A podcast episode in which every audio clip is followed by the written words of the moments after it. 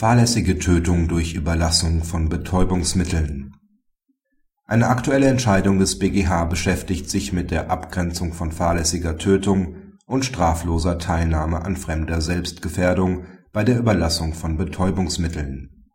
Das Tatopfer war an einer Überdosis Heroin verstorben, das ihm vom Angeklagten überlassen worden war.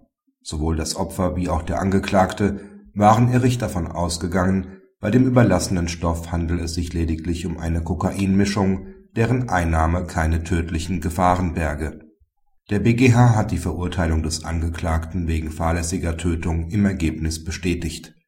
Er verneinte eine nur straflose Teilnahme an der eigenverantwortlichen Selbstgefährdung des Opfers dieses sei irrig von einer weniger gefährlichen Kokainmischung ausgegangen und habe daher die maßgeblichen Umstände für die Annahme einer rechtsgültigen Selbstgefährdung nicht gekannt.